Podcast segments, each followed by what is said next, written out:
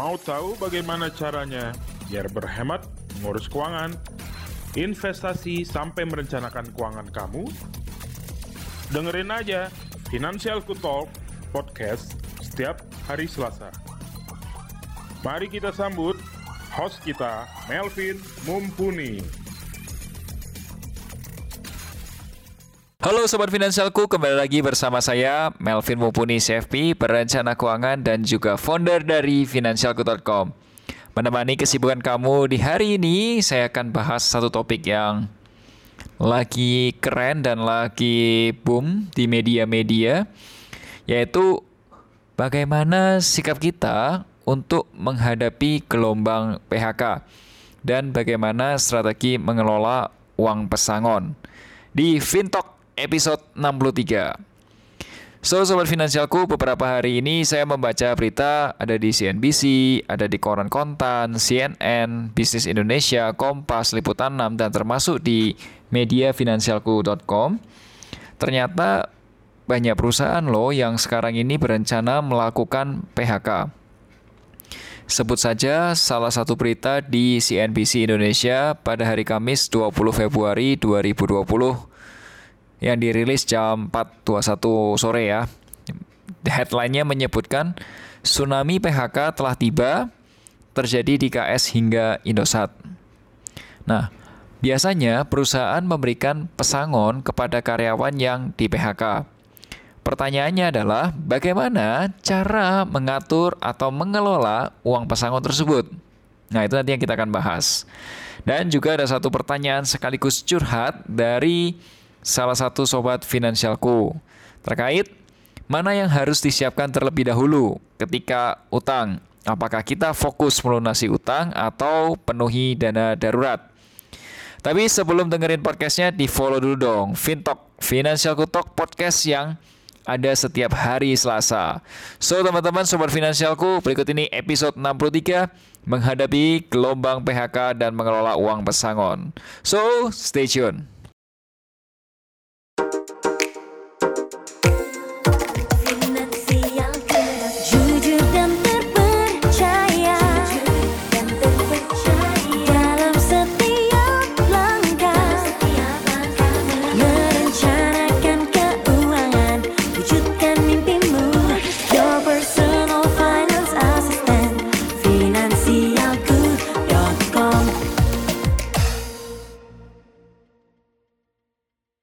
Sebelum bahas lebih detail, Sobat Finansialku dapat mengirimkan pertanyaan atau curhat keuangan melalui fitur Tanya Perencana Keuangan atau Konsultasi Keuangan di aplikasi Finansialku. Tapi tolong jangan lupa kasih hashtagnya hashtag curhat keuangan supaya saya bisa membedakan mana yang boleh ditampilkan di podcast dan mana yang saya jawab secara private. Dan teman-teman, aplikasi Finansialku sekarang sudah bisa di-download di Google Play Store dan juga di iOS Store. Nah, kali ini salah satu curhatan adalah membahas Halo Kak Melvin. Kak Melvin saya LI Oke, kita biar gampang sebutnya Li gitu ya LI Sekarang ini saya sudah bekerja selama 5 tahun. Penghasilan bulanan saya sudah mencapai 10 juta rupiah. Saya masih single dan ingin menikah tahun depan. Pasangan sudah ada sih, tapi masalahnya keuangan saya berantakan. Sekarang ini saya memiliki cicilan KPR, cicilan KTA banyak banget ya.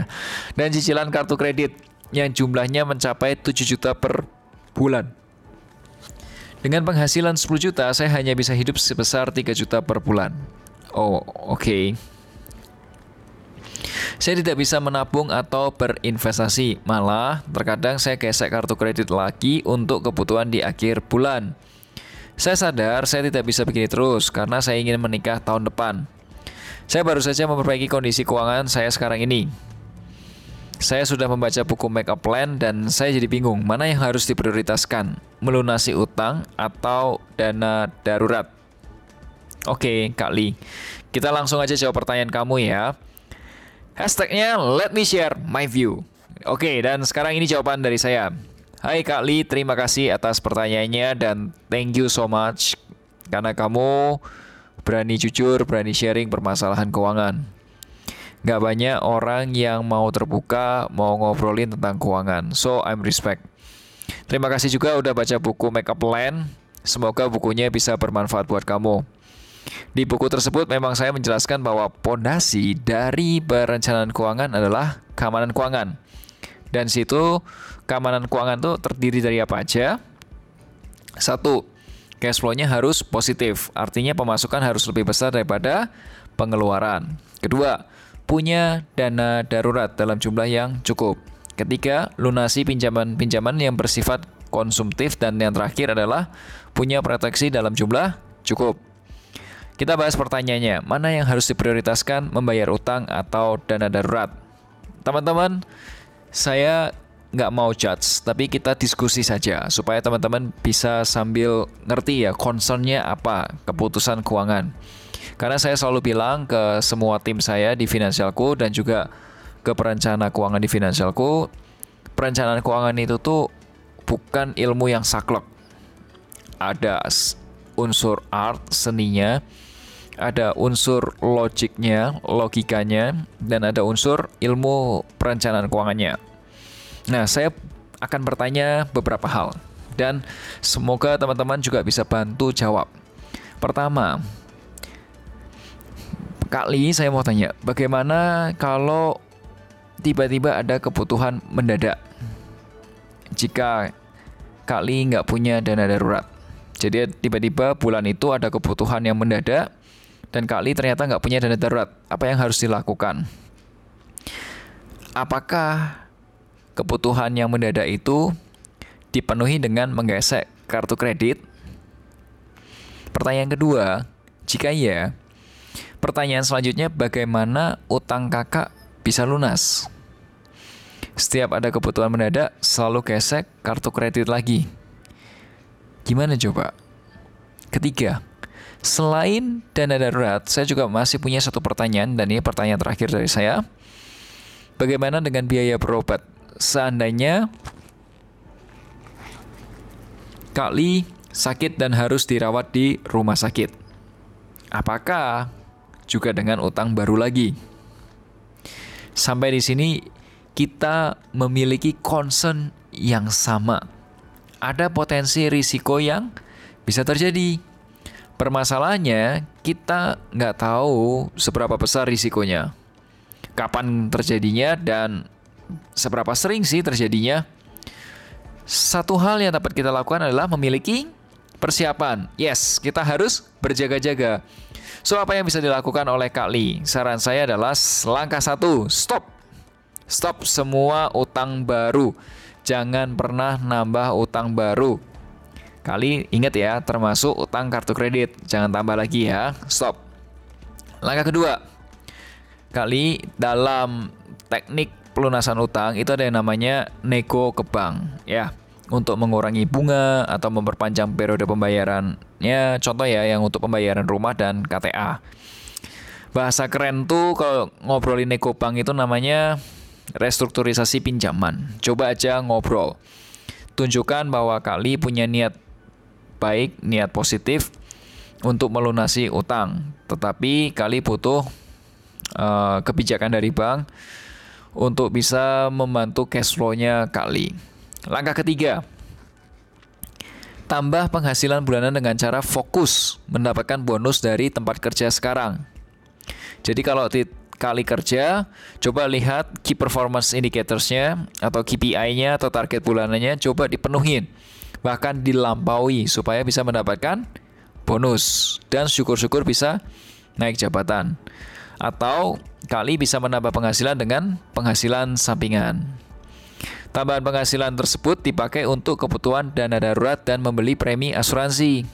Dana darurat untuk single itu jumlahnya adalah Yes, betul. 6 kali pengeluaran bulanan.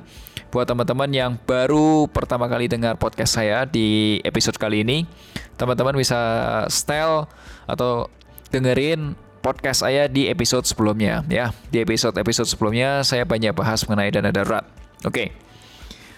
Premi asuransi kesehatan ambil aja yang asuransi kesehatan murni dulu supaya nggak terlalu mahal di depan. Kalau memang uangnya sudah ada, mau unit link silahkan ya. Seperti yang saya bicarakan di podcast episode sebelumnya, pengalaman saya pribadi membeli asuransi kesehatan murni di bulan Desember 2019 adalah 6 jutaan.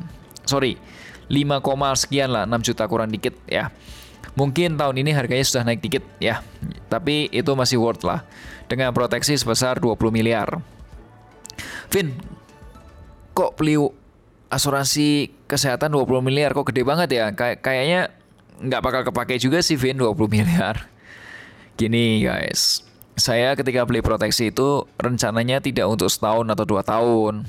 Tapi kalau bisa ya saya berusaha itu dilanjutkan sampai 10 sampai 15 tahun ke depan. Ya mungkin biaya berobat 20 miliar 15 tahun ke depan ya masih fantastis sih, tapi ya bisa jadi itu kepake gitu ya. Saya juga nggak tahu sih seberapa besar kenaikannya, tapi saya rasa di masa yang akan datang itu itu menjadi realistis lah. Oke, langkah keempat, mulai buat anggaran. Khususnya anggaran pengeluaran bulanan, supaya uang kamu itu dapat dikontrol. Sebisa mungkin ketatin dulu deh ikat pinggang kamu, supaya kamu punya uang lebih untuk bisa difokuskan untuk melunasi pinjaman. Dan tentunya punya dana darurat. Oke? Langkah kelima, fokus lunasi pinjaman dengan pokok terkecil. Oke, namanya debt snowball. Debt snowball, ya. Dalam bahasa Inggris DEPT itu dibaca debt ya. Bukan debt, tapi debt. Setelah berkomunikasi lebih lanjut dengan Kali, kami sepakat untuk melunasi pinjaman kartu kredit dulu senilai 30 juta. Kemudian baru cicilan KTA dan terakhir KPR. Cicilan KTA dan KPR tetap harus dibayar ya. Sesuai dengan tagihan aja, nggak usah dipercepat dulu nggak apa-apa. Yang penting fokus tahun ini cicilan kartu kredit lunas. Setelah kartu kredit lunas, kali fokus untuk melunasi pinjaman KTA yang sebesar 150 juta dan terakhir baru KPR karena pinjamannya cukup besar. Jadi teman-teman sobat finansialku, saya sudah sempat berkomunikasi dengan Kali sebelumnya dan membahas permasalahan utangnya. Jadi saya kurang lebih tahu gambarannya seperti apa. Saya ingin share mengenai satu value penting yang saya pelajari dari teman-teman di Finansialku. Jadi satu saat itu kami mengadakan meeting dan diskusi mengenai istilahnya self rewarding atau bagaimana cara kita berterima kasih kepada diri kita sendiri. Satu hal yang saya dapat diskusikan atau yang saya dapat share dari podcast kali ini adalah saya belajar dari teman-teman saya. Kita perlu berterima kasih dengan diri sendiri. Cara kita berterima kasih bukan dengan makan di resto yang mahal. Cara kita berterima kasih bukan dengan jalan-jalan yang mahal. Cara kita berterima kasih juga bukan dengan membeli barang-barang mewah. Cara kita berterima kasih dengan diri sendiri adalah spending the right things first. Hargai kerja kerasmu karena Tuhan sudah menitipkan rezeki ke kita. Jadi, hargai kerja kerasmu. Spending the right things first. Kalau kamu dengerin podcast ini, saya mau minta tolong untuk share dulu podcast ini ke Instagram Story dan kasih hashtag. Hashtagnya adalah hargai kerja kerasmu. Karena kita sudah bekerja keras selama satu bulan, jadi seyogyanya kita menggunakan uang yang didapat bukan dengan cara balas dendam, tetapi dengan cara menghargai diri sendiri. Kalau kita membalas dendam, itu sama seperti ibaratnya orang diet yang menahan nafsu makan. Nah, ketika sudah dikasih makan sekali, langsung makan banyak banget. Cara seperti itu tidak akan works. Oke, dan cara itu bukan cara untuk menghargai diri sendiri. Cara menghargai diri sendiri adalah spending the right things first. Hargai kerja kerasmu. Simpan di highlight story supaya suatu saat kamu bisa juga dengerin kembali value penting ini, yaitu hargai kerja kerasmu. So, buat sobat finansialku, para pendengar podcast Fintalk, jika kalian mengalami kegalauan mengenai keuangan, investasi, asuransi, atau apa pun juga, langsung aja curhat ke podcastnya Finansialku karena satu-satunya podcast di Indonesia tentang keuangan yang bisa curhat keuangan langsung. Caranya gampang banget, download aja aplikasi Finansialku di Google Play Store atau di App Store untuk pengguna iOS. Terus pakai saja menu tanya perencana keuangan. Oh ya, sobat finansialku, beberapa orang pendengar Fintalk memberikan masukan supaya penjelasan saya ini bisa dijelaskan lebih detail dalam bentuk gambar, ilustrasi, atau apa pun lah itu. Jadi kamu follow aja Instagram saya di @melvin underscore mumpuni dan juga Instagram finansialku di @finansialku underscore com. Saya akan share mengenai gambar infografis video di IGTV dan juga video di YouTube channel finansialku.com. Oh ya, bantuin dong biar kita segera dapat silver play buttonnya dong dan feedbacknya dong supaya video-video kita menjadi lebih relevan dan lebih bermanfaat buat kamu. Dan saya juga punya program khusus namanya Melek Finansial bersama Melvin Mumpuni di YouTube channel finansialku.com. Anyway, program ini akan ada besok hari Rabu jam 5 pagi. Jadi langsung aja cek di YouTube channel finansialku.com. Atau boleh juga langsung di YouTube channel saya pribadi, Melvin Mumpuni. Sama kok. So, jangan lupa subscribe YouTube channel Finansialku ya. Dan teman-teman kita langsung bahas satu diskusi atau menu utama kita, main course kita yaitu mengelola uang pesangon. So, teman-teman stay tune ya.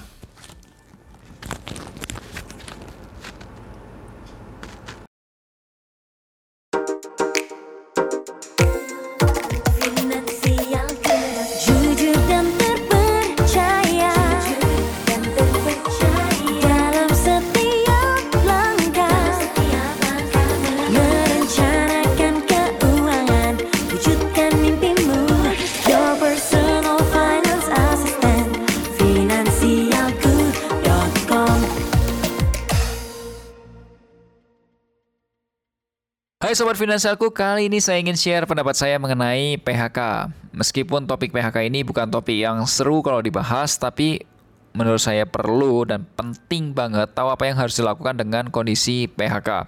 Pemutusan hubungan kerja atau PHK atau disebut juga downsizing bisa disebabkan karena tiga hal, yaitu kasus pengajuan PHK oleh perusahaan, kasus pengajuan PHK oleh karyawan, dan juga PHK karena pensiun.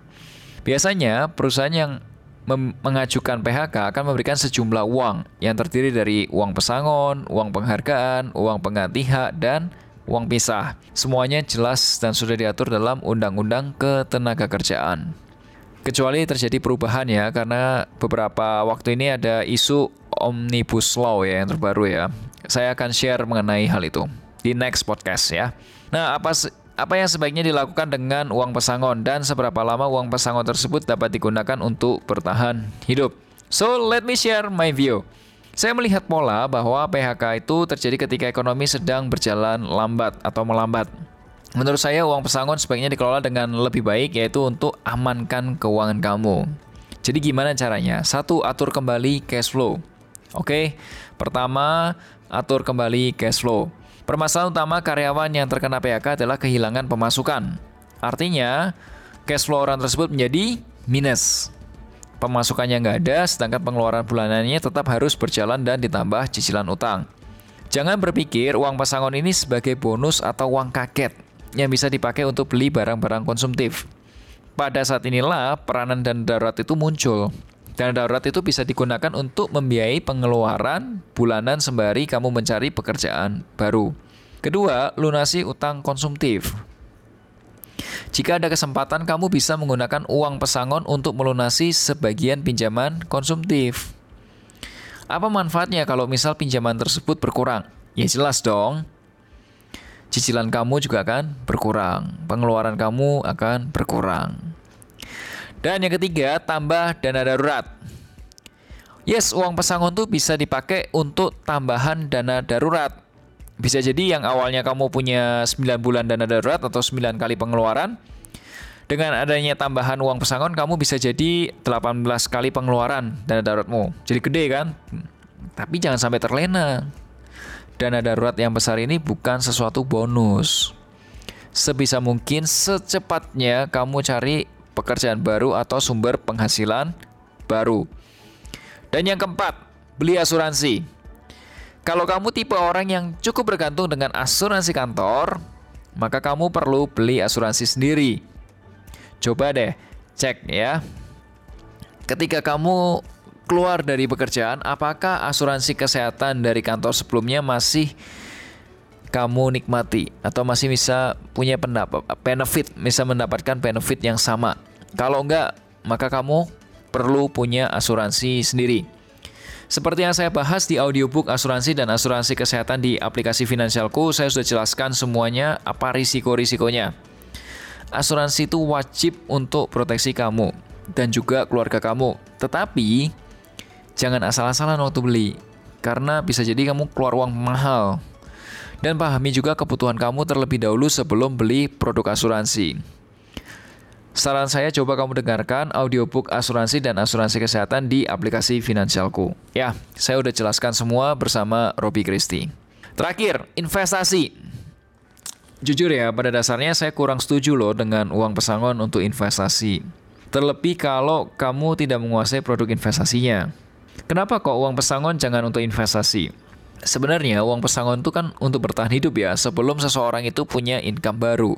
Namun kalau kamu tetap bersikeras, saya sarankan cari investasi yang bisa menghasilkan cash flow bulanan, ya, cash flow. Aliran uang masuk. Seperti ada surat utang negara, obligasi retail Indonesia, ORI, saving bond retail, SPR, atau sukuk retail, SR. Eh, Sukri ya, bukan SR. Sukri. Sukri ini kalau nggak salah baru launching ya, yang baru. Dan juga ada sukuk tabungan ST, peer-to-peer lending, dan dividen saham. Kalau uang pesangon kamu besar banget, boleh juga sih pertimbangkan buat beli properti atau ya beli bisnis suara laba. Itu bisa dipakai. Ya, jadi itu cara mengelola uang pesangon kamu. Pertama, atur kembali cash flow-nya. Kedua, lunasi utang konsumtif. Ketiga, tambah dana darurat kamu. Keempat, beli asuransi. Dan lima, kalau kamu bersikeras dengan investasi ya go dengan cash flow. So, teman-teman, itu tadi akhir penjelasan saya. Saya berharap episode-episode ke depannya, episode uh, Fintalk ini menjadi akan semakin membantu kamu. Dan akhir kata, make a plan and get your financial dreams come true. Sampai jumpa di podcast episode berikutnya. Bye-bye.